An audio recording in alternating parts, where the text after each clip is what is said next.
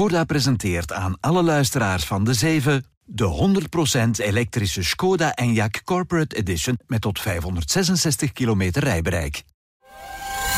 Welkom bij de 7 van de tijd. Elke dag om 7 uur. Onze blik op de zaken in 7 punten. Dit is Bert Rijmen. Goedemorgen. Ouderen zijn nergens zo afhankelijk van de sociale zekerheid als in ons land, staat in een nieuwe pensioenstudie van de OESO. Wat voor gevolgen heeft dat? Vandaag begint in Brussel een top van Europese leiders. Die wordt cruciaal voor Oekraïne. Er kan eventueel al sneller gepraat worden over lidmaatschap.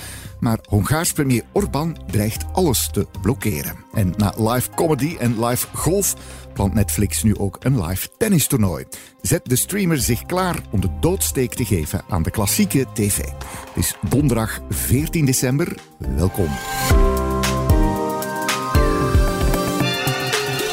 De 7 van de tijd. 1. Overal in de geïndustrialiseerde wereld zijn ouderen natuurlijk afhankelijk van hun pensioen, maar nergens zo afhankelijk als in ons land, lezen we in een nieuwe studie van de economische organisatie OESO. Het overgrote merendeel van de inkomsten van oudere Belgen is afkomstig uit publieke middelen, dus het wettelijke pensioen, de eerste pensioenpijler is dat. In geen enkel land is dat aandeel zo groot als bij ons.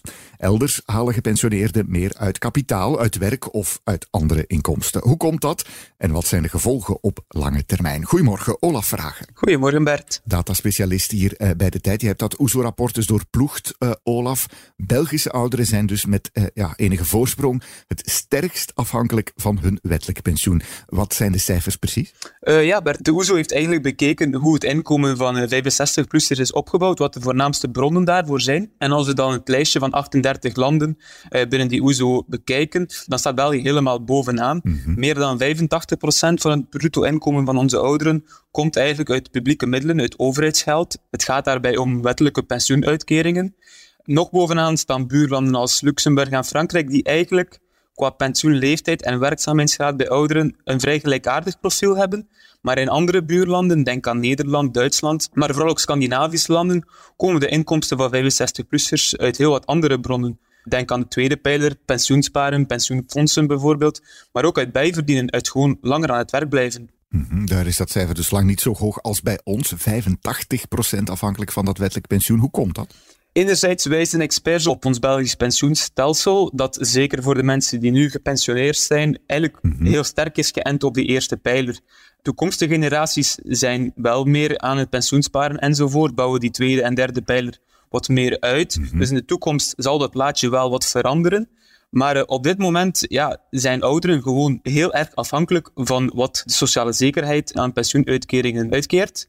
Anderzijds is er volgens de OESO-onderzoeker die wij spraken toch ook een, een, zeker cultureel verschil. Het idee van de pensioengerechtigde leeftijd, pensioen is pensioen, en bijverdienen of wat langer werken, dat is niet echt van doen. Dat leeft nog wel in België. Mhm. In andere, uh, zeker Noord-Europese landen, is die mindset al veranderd weinig gepensioneerden bij ons, dus die bijvoorbeeld een flexiejob hebben. Uh, Olaf, je zegt dat het beeld nog zal veranderen op termijn, maar toch is dit een probleem? Ja, daar waarschuwt de OESO toch voor. Volgens de vooruitzichten stijgt de impact van de pensioenkosten op de publieke middelen de komende 30 jaar toch vrij fors. Vandaag is dat nog iets meer dan 12% van het BBP. Dat stijgt tegen 2050, 2055 naar meer dan 15%. En in diezelfde periode stijgen we van iets boven de middenmoot in de OESO-landen naar toch de top 3 op dat vlak. Dat betekent dat ja, pensioenuitgaven wegen al maar zwaarder op het overheidsbudget. Daar zijn we al voor gewaarschuwd. En dat het betaalbaar houden van pensioenen ja, toch enige hervormingen zal vragen. Ik denk dat iedereen dat intussen wel weet. Dankjewel, Olaf Vragen. Heel graag gedaan, Bert. 2. We are prepared to tighten policy further, if appropriate. We're committed to achieving a stance of monetary policy that is sufficiently restrictive to bring inflation sustainably down to 2% over time. Jerome Powell, voorzitter van de Amerikaanse centrale bank, die zegt dat hij nog altijd bereid is om de rente te verhogen als hij merkt dat de inflatie niet verder daalt dan 2%. Al geloven niet veel analisten dat zo'n renteverhoging nog nodig zal zijn. Powell hintte zelfs op drie renteverlagingen volgend jaar. Maar voorlopig blijft de Amerikaanse beleidsrente dus hetzelfde op 5,25 tot 5,50 procent. Zo'n hoge rente maakt geld lenen duurder, zorgt ervoor dat de economie wat pijn leidt, wat afkoelt en de inflatie naar beneden duwt. De Amerikanen moeten dus nog even volhouden en zij zetten de toon voor de rest van de wereld. Maar het einde is dus in zicht met drie voorspelde renteverlagingen in 2024. Al zijn dat er wel minder dan de markten hadden verwacht. De meeste daar hadden gehoopt op vijf renteverlagingen. Ondanks het wat minder rooskleurige nieuws reageren de beurzen toch echt positief gisteren. Na het rentebesluit zijn de Amerikaanse aandelen- en obligatiemarkten fors gestegen. De Dow Jones, de Nasdaq en de S&P 500 sloten 1,4% hoger. 3. Er zijn niet genoeg PFAS-specialisten om aan de grote vraag te voldoen, blijkt uit een rondvraag door onze redactie bij verschillende bodemonderzoeksbureaus. Bij de meeste bureaus is er nu een wachttijd van ettelijke maanden voordat er een PFAS-specialist beschikbaar is. De werkvolumes gaan bij sommigen maal 4 tot maal 5 komt door de nieuwe PFAS-regels die de Vlaamse regering deze zomer heeft afgeklopt. De normen zijn veel strenger geworden voor grotere werven.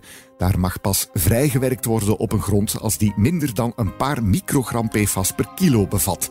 En dat is heel weinig. Het zorgt ervoor dat veel meer werf- en projectleiders het zekere voor het onzekere willen nemen en hun bouwgrond willen laten onderzoeken, als maar vaker nog voor ze eraan beginnen. Dat veroorzaakt dus een overrompeling bij de bodemspecialisten en dat is al een knelpuntberoep. Daarom heeft de Vlaamse regering het moment waarop de strengere regels in werking treden al uitgesteld van 1 januari tot 1 september volgend jaar. 4. Vandaag verzamelen de Europese staats- en regeringsleiders in Brussel voor een tweedaagse top. Het wordt er eentje vol drama en suspense, niet in het minst voor Oekraïns president Zelensky, of hij nu persoonlijk afzakt naar het Schumannplein of niet. Want te midden van de oorlog met Rusland kan er mogelijk sneller gestart worden met gesprekken over een eventuele toetreding van Oekraïne tot de Europese Unie. Maar Hongaars premier Orbán wil daar niet van weten. Hij dreigt alles te blokkeren. Wat wil hij daar precies bereiken? Goedemorgen, Chris van Haver. Goedemorgen Bert. De Europa-expert hier uh, op de redactie. Chris, vandaag en morgen een Europese raad uh, eigenlijk. Wat staat er precies op het spel? Daar staan heel belangrijke dossiers voor de toekomst van de Europese Unie op het spel. Eén dossier is de uitbreiding van de Europese Unie met nieuwe lidstaten, waarbij natuurlijk Oekraïne een zeer prominente rol speelt, maar ook Balkanlanden. En het tweede is, de commissie wil eigenlijk een herziening, tussentijdse herziening van de begroting doorvoeren.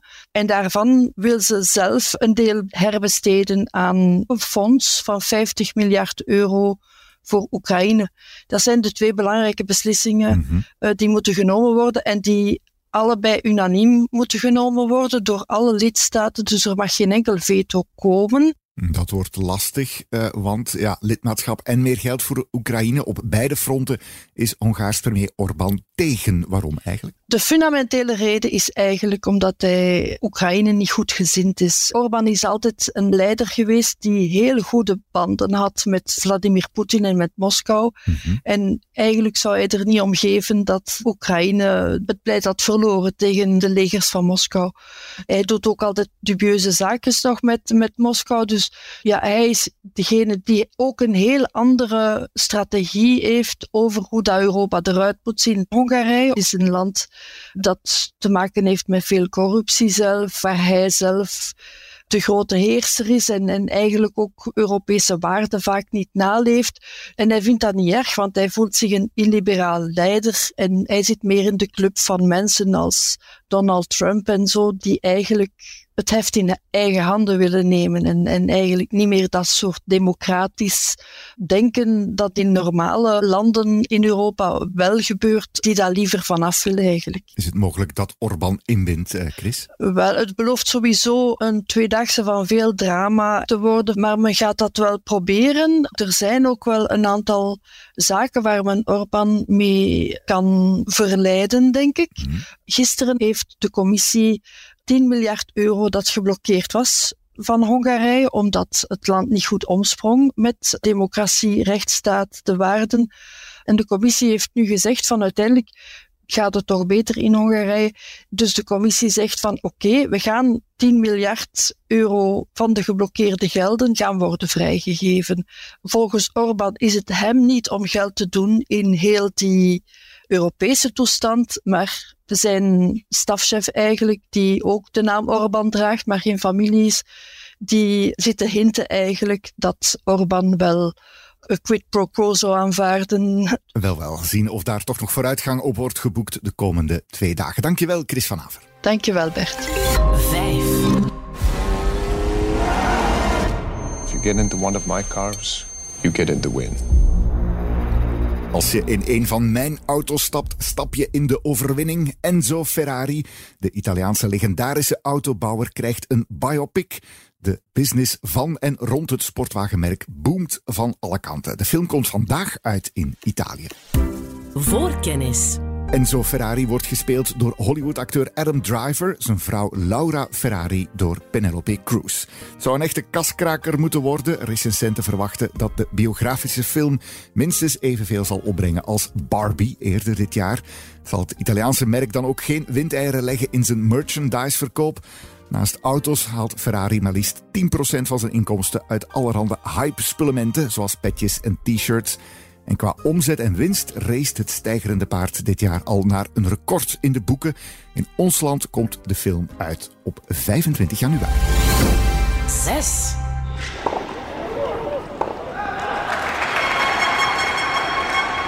En we blijven in dezelfde sfeer, want Netflix pakt intussen uit met een primeur, de Netflix Slam. Een exclusieve tennismatch die de streamingdienst in maart zal organiseren tussen wereldtoppers Rafael Nadal en Carlos Alcaraz. Uiteraard enkel te volgen op het platform zelf. Op termijn moet de Netflix Slam zelfs een volwaardig toernooi worden. Die stunt komt er niet lang na iets gelijkaardigs, de Netflix Cup, waarbij onder meer Formule 1 racers het tegen elkaar opnamen in een partijtje golf. Eén ding wat bij die uitzendingen natuurlijk heel on-Netflixerig is, ze zijn live. Is Netflix hier bewust een nieuwe markt aan het aanboren? En is dat dan het laatste slagveld waarop de streamer de klassieke tv-zenders wil verslaan? Goedemorgen, Dries Bervoet. Goedemorgen Bert. Expert sport en entertainment business hier bij de tijd. Inzetten op live uitzendingen, is dat een bewuste nieuwe strategie van Netflix? Ja, zo lijkt het toch. Hè. Het vergeet ook niet dat ze eerder dit jaar al experimenten hebben gedaan, ook met live stand-up comedy, rond de bekende Amerikaanse comedian Chris Rock, waar men zei dat dat vooral was om de technologie van een platform te testen, of die uh, voldoende is om dat allemaal aan te kunnen en dus die live sport en die live events ook te gaan uh, zonder problemen bij de kijker te krijgen. Ze hebben daar wel degelijk wat problemen mee gehad. Dat wordt stilaan op punt gezet. Dus je ziet wel dat zij zowel technisch als puur inhoudelijk qua content met die live sport bezig zijn. Ze zijn zich dus duidelijk aan het positioneren op het liveveld, uh, Dries. Gaan ze daarmee ja, de klassieke televisie binnenkort dan definitief uitschakelen? Wel, het interessante is natuurlijk de aparte strategie dat Netflix volgt. Want zoals we besproken hebben daarnet, die toernooien die zij organiseren, zijn ik zelf georganiseerde toernooien. Dus die zij zelf in handen houden zelf eigenaar van zijn en zelf uitzenden. Het voordeel daarvan is dat ze natuurlijk dan geen peper duren voor miljarden uh, mediarechten van grote sporten zoals Amerikaans basket, Champions League, Premier League moeten kopen, zoals bijvoorbeeld Amazon wel al gedaan heeft. Mm -hmm. Alleen is het nadeel ja, dat het nog te bezien valt of zij voldoende kritische massa zullen kunnen creëren met eigen toernooien. Dus de vraag is een beetje, zij zijn zich aan het voorbereiden met dit soort experimenten om dan die finale push te doen richting die grote ja, miljardentoernooien waar nog altijd klassieke tv ook vooral opteert. En om dan eigenlijk finaal ja, die klassieke tv hun laatste burgt live sport en live entertainment te gaan aanvallen om dan iedereen tenslotte finaal op de eigen platformen en ja, digitaal te krijgen. En dat valt nog een beetje te bezien lijkt in ieder geval toch de bedoeling te zijn. Zien of zelfs de grootste tv-sportfans dan kabelknippers worden. Dankjewel, Dries Bervoet. Graag gedaan.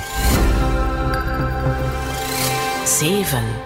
Het Amazon van de rijken staat aan de rand van de afgrond. Online luxe retailer Farfetch zag gisteren zijn beurskoers kelderen met 40% Experten verwachten dat een kwart van de 7000 werknemers deze week nog zal worden ontslagen. Farfetch is het carrièrekindje van de Portugese ondernemer José Neves. Hij wordt dan ook wel eens de Jeff Bezos van de luxe genoemd. Stampte zijn platform in 2008 uit de grond en bracht sindsdien 3500 luxe merken op samen. Van grote vaste waarden als Prada en Yves Saint Laurent tot echte niche-opulentie zoals de horloges van Girard Perregaux. Een echt patsermodel maakt je al snel een klein miljoen dollar lichter. Farfetch kende zijn hoogdagen tijdens corona. De bedrijfswaarde groeide naar 21 miljard euro en het platform werd het grootste in zijn soort. Maar toen kwam het einde van de corona-koopwoede. Neves vroeg op een slecht moment om cash en sindsdien gaat het alleen maar bergaf. Niemand wil de broodnodige cash-injectie nog geven. Neves zei ooit in een interview dat hij als zen-taoïst zoveel mogelijk in het nu leeft en dat dat erg handig is in een crisis. Hopelijk kan hij er nu ook rustig onder blijven dan. Daarmee zit deze de zeven er weer op. Wie nog niet is uitgeluisterd, kan ik de nieuwste aflevering aanbevelen van de Beursvailleurs, de beleggen-podcast van de tijd. Deze week is de CEO van Washville, Bushra Hashassi, de gast van host Thomas Soete. Ze heeft niet bepaald goede herinneringen aan haar eerste belegging toen ze nog bij de bank werkte. Het aandeel van Fortis Bank was fel gedaald. En al mijn collega's kochten aandelen, maar ik had geen geld. Dus ik kon geen aandelen kopen. En ja, de aandeel ging ineens terug omhoog. Hè, dus die hadden daar wel een mooi rendement uit gehaald. En dat was mij bijgebleven. Ik vond het jammer dat ik toen geen geld had om zelf ook aandelen te kopen. Dus in 2008, de bankencrisis, Ja. aandeel van Fortis gaat naar beneden en de D zegt... Ja, ja, nu ga ik alles Nu wat ga ik ik heb erin doen. daarin steken. Ja. En toen zijn ze failliet gegaan. Dat is op zijn minst wel eerlijk. Hoe Hashassi haar strategie daarna heeft aangepast, dat kom je te weten in de Beursvailleurs. Voor nu alvast een fijne dag en tot morgen. Dit was De Zeven met Bert Rijmen. Productie door Roan van Eyck van op de redactie van De Tijd. Bedankt om te luisteren. Morgen zijn we er weer. Tot dan.